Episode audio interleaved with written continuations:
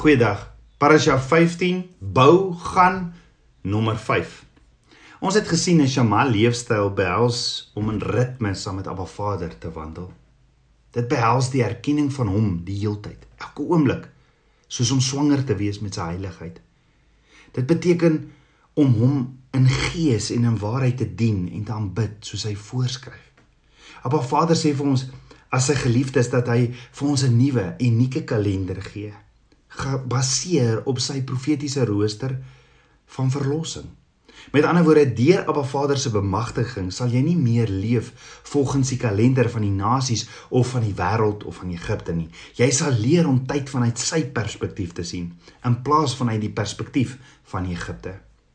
Terwyl jy jou lewe rondom Abba Vader se kalender beoefen en struktureer, sal jy in sy tyd saai, soos 'n boer saad saai wat wat Abba Vader sal verheerlik. Jy sal hierdeur aan die res van die wêreld demonstreer wat dit beteken om Abba Vader se tyd te eer waarvan hy die skepper is. Jy sal dan ook op die regte tyd sy maaier wees en namens hom maai van die oeste van die wêreld. Met ander woorde selfs voordat die kinders van Abba Vader fisies verlos is, is hulle deur Abba Vader bemagtig om te begin leef volgens sy kalender en hulle lewe daarvolgens te organiseer. Om te leer om tyd vanuit Abba Vader se perspektief te benader, is die eerste stap van die oorgang van slawery na 'n Shema leefstyl as 'n kind van Abba Vader. En dit bring ons ook dan by die tweede fase van hierdie transformasieproses om van slawerny na 'n Shema leefstyl oor te gaan. Abba Vader sê vir Moses om die volgende instruksies vir die kinders van Israel te gaan gee. In Eksodus 12 vers 1 tot 3. Dis nou voor die 10de plaag, nê? Nommer 1. Op die 10de dag van die nuwe maan gaan maan gaan kies 'n lam en neem hom in jou huis. Dan nommer 2. Laat die lam dan vir 4 dae by jou woon in jou huis. Dan slag jy hom op die volgende vasgestelde tyd, saans op die 14de dag van die maand. Nommer 3. Sit dan van die bloed van die lam op weerskante van die deurkosyne van jou huis, sit deur as teken dat jy op Vader se instruksies Shema het. Nommer 4. Bly dan in jou huis en staan reg terwyl jy en jou familie dit eet met die die vleis eet van die lam met hierdie spesiale maaltyd. Nommer 5. Moenie die vleis van die lam rou of gekook eet nie, nee braai dit. Nommer 6. Die hele lam, alles, niks moet oorbly of moet daarvan weggegooi word nie. Hulle moet alles eet. Nou, hierdie is instruksies. En instruksies in Hebreëus is mitzvot. En die meervoud van mitzvot is mitzwa wat verkeerlik vertaal word as gebooie. So wat presies is 'n mitzvot? Is dit gebooie of wette wat Abba Vader vir sy kinders gegee het wat nie moontlik is om te doen of om te onderhou nie? Of is 'n mitzvot iets dalk baie persoonliker? Dalk intiem en bemagtigend? Want sien die rootwoord vir mitzvot in Hebreëus is tsawa. Nou in Hebreëus het elke lettertjie het 'n prentjie wat vir ons teken. En baie keer as jy hierdie lettertjies vat en jy kyk na die prentjies en jy sit dit langs mekaar van 'n woord, dan teken dit vir ons 'n hele nuwe prentjie. Nou tsawa bestaan uit 5 letters. 5 Hebreëse letters. Die eerste een is tsade. En dis 'n prentjie van 'n man wat neerbuig in onderdanigheid onder die hand van Abba Vader. Die tweede tweede letter is 'n waaf. Dis 'n prentjie van 'n van 'n spyker wat gebruik is om iets aan mekaar te kap. Nommer 3 is die letter hy. Dis 'n prentjie van 'n oop venster van 'n tent om vars lig in te kry. Simbolies is dit die prentjie van nuwe openbaring. Nommer 4, die vierde letter van Sawa, is 'n prentjie van 'n man wat lewe in onderdanigheid aan Abba Vader en waar hy hierdie ware openbarings en inspirasies van Abba Vader ontvang. Dan die vyfde letter is 'n prentjie van 'n golf in beweging. Wat beteken die proses om 'n onderdanige man aan 'n openbaringsbron te verbind en wat voortdurend en progressief is. Sit jy nou al hierdie prentjies van die letters van mitzvot bymekaar of die die die uh, rootwoord tsava bymekaar dan sê dit vir ons Dis goddelike uitsprake wat ontwerp is om deur middel van 'n voortdurende interaktiewe proses die persoon wat hom aan Abba Vader onderwerp met ware openbaring en inspirasies te verbind. Met elke stap wat 'n persoon dan in ooreenstemming met die instruksie van Abba Vader neem, word die verband tussen hierdie persoon en ware openbarings en inspirasies net meer en veiliger. So dink gou daaroor. Waar is die heel eerste instruksie of mitzvot wat Abba Vader gegee het. Ja, in die tuin van Eden. Toe Abba Vader vir Adam sê in Genesis 2 vers 16 tot 17, van al die bome van die tuin mag jy eet, maar van die boom van die van kennis van goed en kwaad, daarvan mag jy nie eet nie, want die dag as jy daarvan eet, sal jy sekerlik sterwe. So, hier's actually drie instruksies in hierdie gedeelte. Instruksie uh, of mitzwa nommer 1 is die positiewe gedeelte van van die instruksie. En dit was dat wat Abba Vader vir hulle gegee het, dit, dit was dat hulle vrylik van al die bome van die tuin mag eet as ook die boom van die lewe. Dan die tweede ene is die negatiewe gedeelte van die instruksie. En dit was hulle mag nie van die boom van die kennis van goed en kwaad eet nie. Dink gou daaroor. Was dit 'n onmoontlike taak vir Adam en Eva? Of was Abba Vader onredelik om dit van hulle te verwag? Dan die derde instruksie of mitzwa, nommer 3, dis die instruksie vir alle lewe. Dis om jou lewe as mens te leef met die fundamentele begrip om te verstaan dat mens Abba Vader se stem sal shema en daarvolgens sal wandel en om eerder aan sy woord vas te kleef as aan die vleeslike. Om eerder aan Abba Vader se woord vas te kleef as om aan my en jou gerief. Om eerder aan Abba Vader se woord vas te kleef as menslike plesier of opinies. In die mate waarin Adam en Eva Abba Vader se mitzvot of instruksies geshema het, sou hulle al hoe meer van Abba Vader se openbarings en inspirasies ontvang het. En hulle sou al hoe nader in intimiteit saam met Abba Vader gewandel het, maar ons weet dit het nie gebeur nie. Adam en Eva is verlei deur die slang en was nie onderdanig aan Abba Vader se mitzvot nie. Hulle het dus die verband verbreek tot ware openbaring en ware inspirasie. Adam en Eva het verkies om nie die Shema leefwyse te aanvaar nie. Maar dit was nie die einde van die verhaal nie. Abba Vader het sy kinders 'n tweede kans gegee. Die kinders van Israel het 'n geleentheid om 'n Shema leefstyl te kies.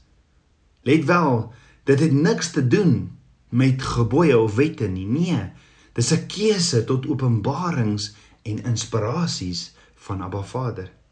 Jy sien elke mitzwa of instruksie wat ontvang word van Abba Vader is soos 'n deur wat Abba Vader oopmaak om jou dieper en dieper te wil vat na sy openbarings en inspirasies as jy sy stem Shema wat hy vir jou het.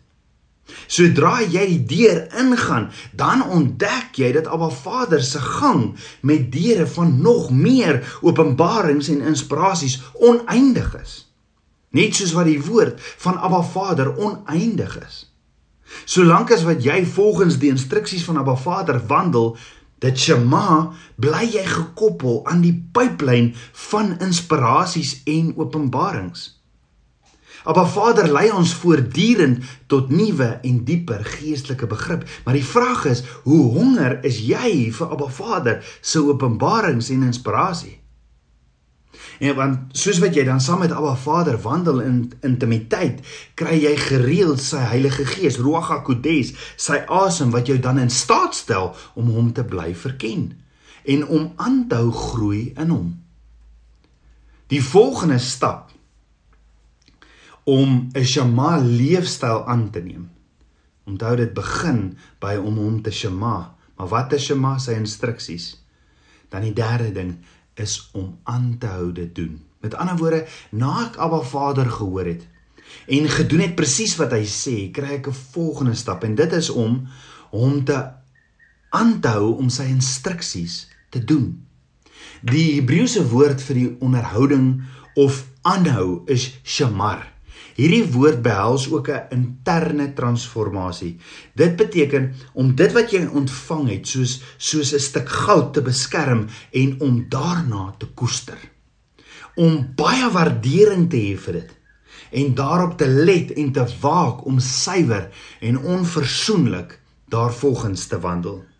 Met ander woorde tabernakelskind van Abba, dis om te verstaan dat Abba Vader in 'n baie baie diep verhouding met die wil wees wat hy verlos het uit Egipte, wat sy stem Shema, sy instruksies, sy mitzvah Shema en dit Shemar.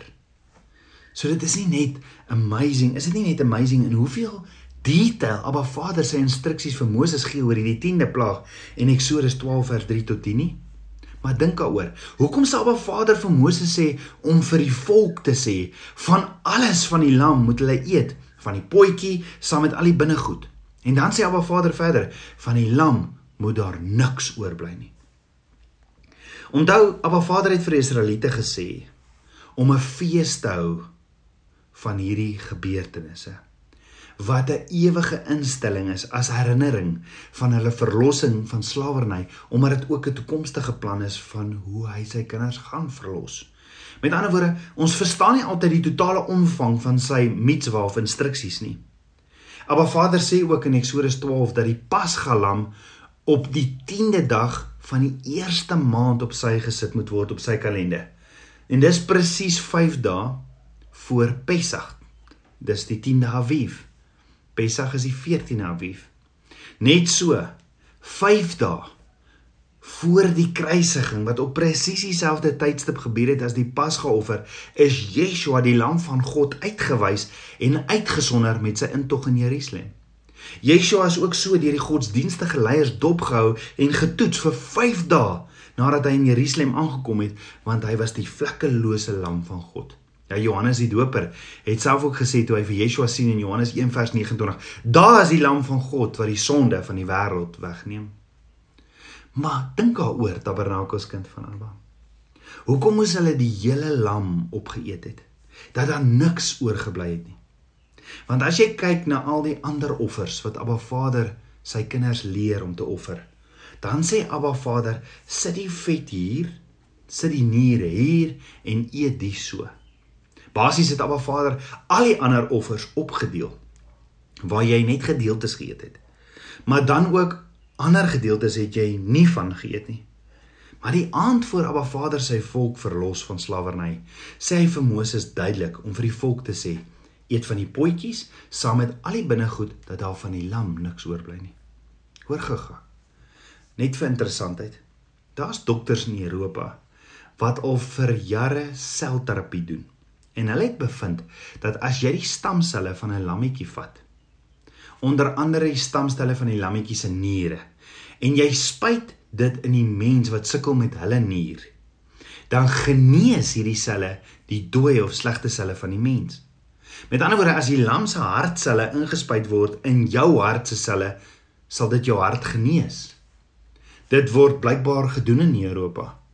Maar die vraag is, hoekom het Abba Vader vir die Israeliete gesê om die hele lam te eet. Is dit moontlik dat as daar enige van die kinders van Abba Vader die Israeliete was wat 'n probleem gehad het met 'n orgaan. Hulle was siek, nê? En hulle eet van hierdie lammetjie se organe, dan het Abba Vader daardie gedeelte van hulle liggaam genees. Is dit nie ook hoekom Abba Vader se woord sê in Psalm 105 vers 37, toe het hulle toe het hy hulle laat uitgaan dis nou uit Egipte. Met silwer en goud onder sy stamme was daar niemand wat struikel nie. Die king james sê and there was not one feeble person among the tribes.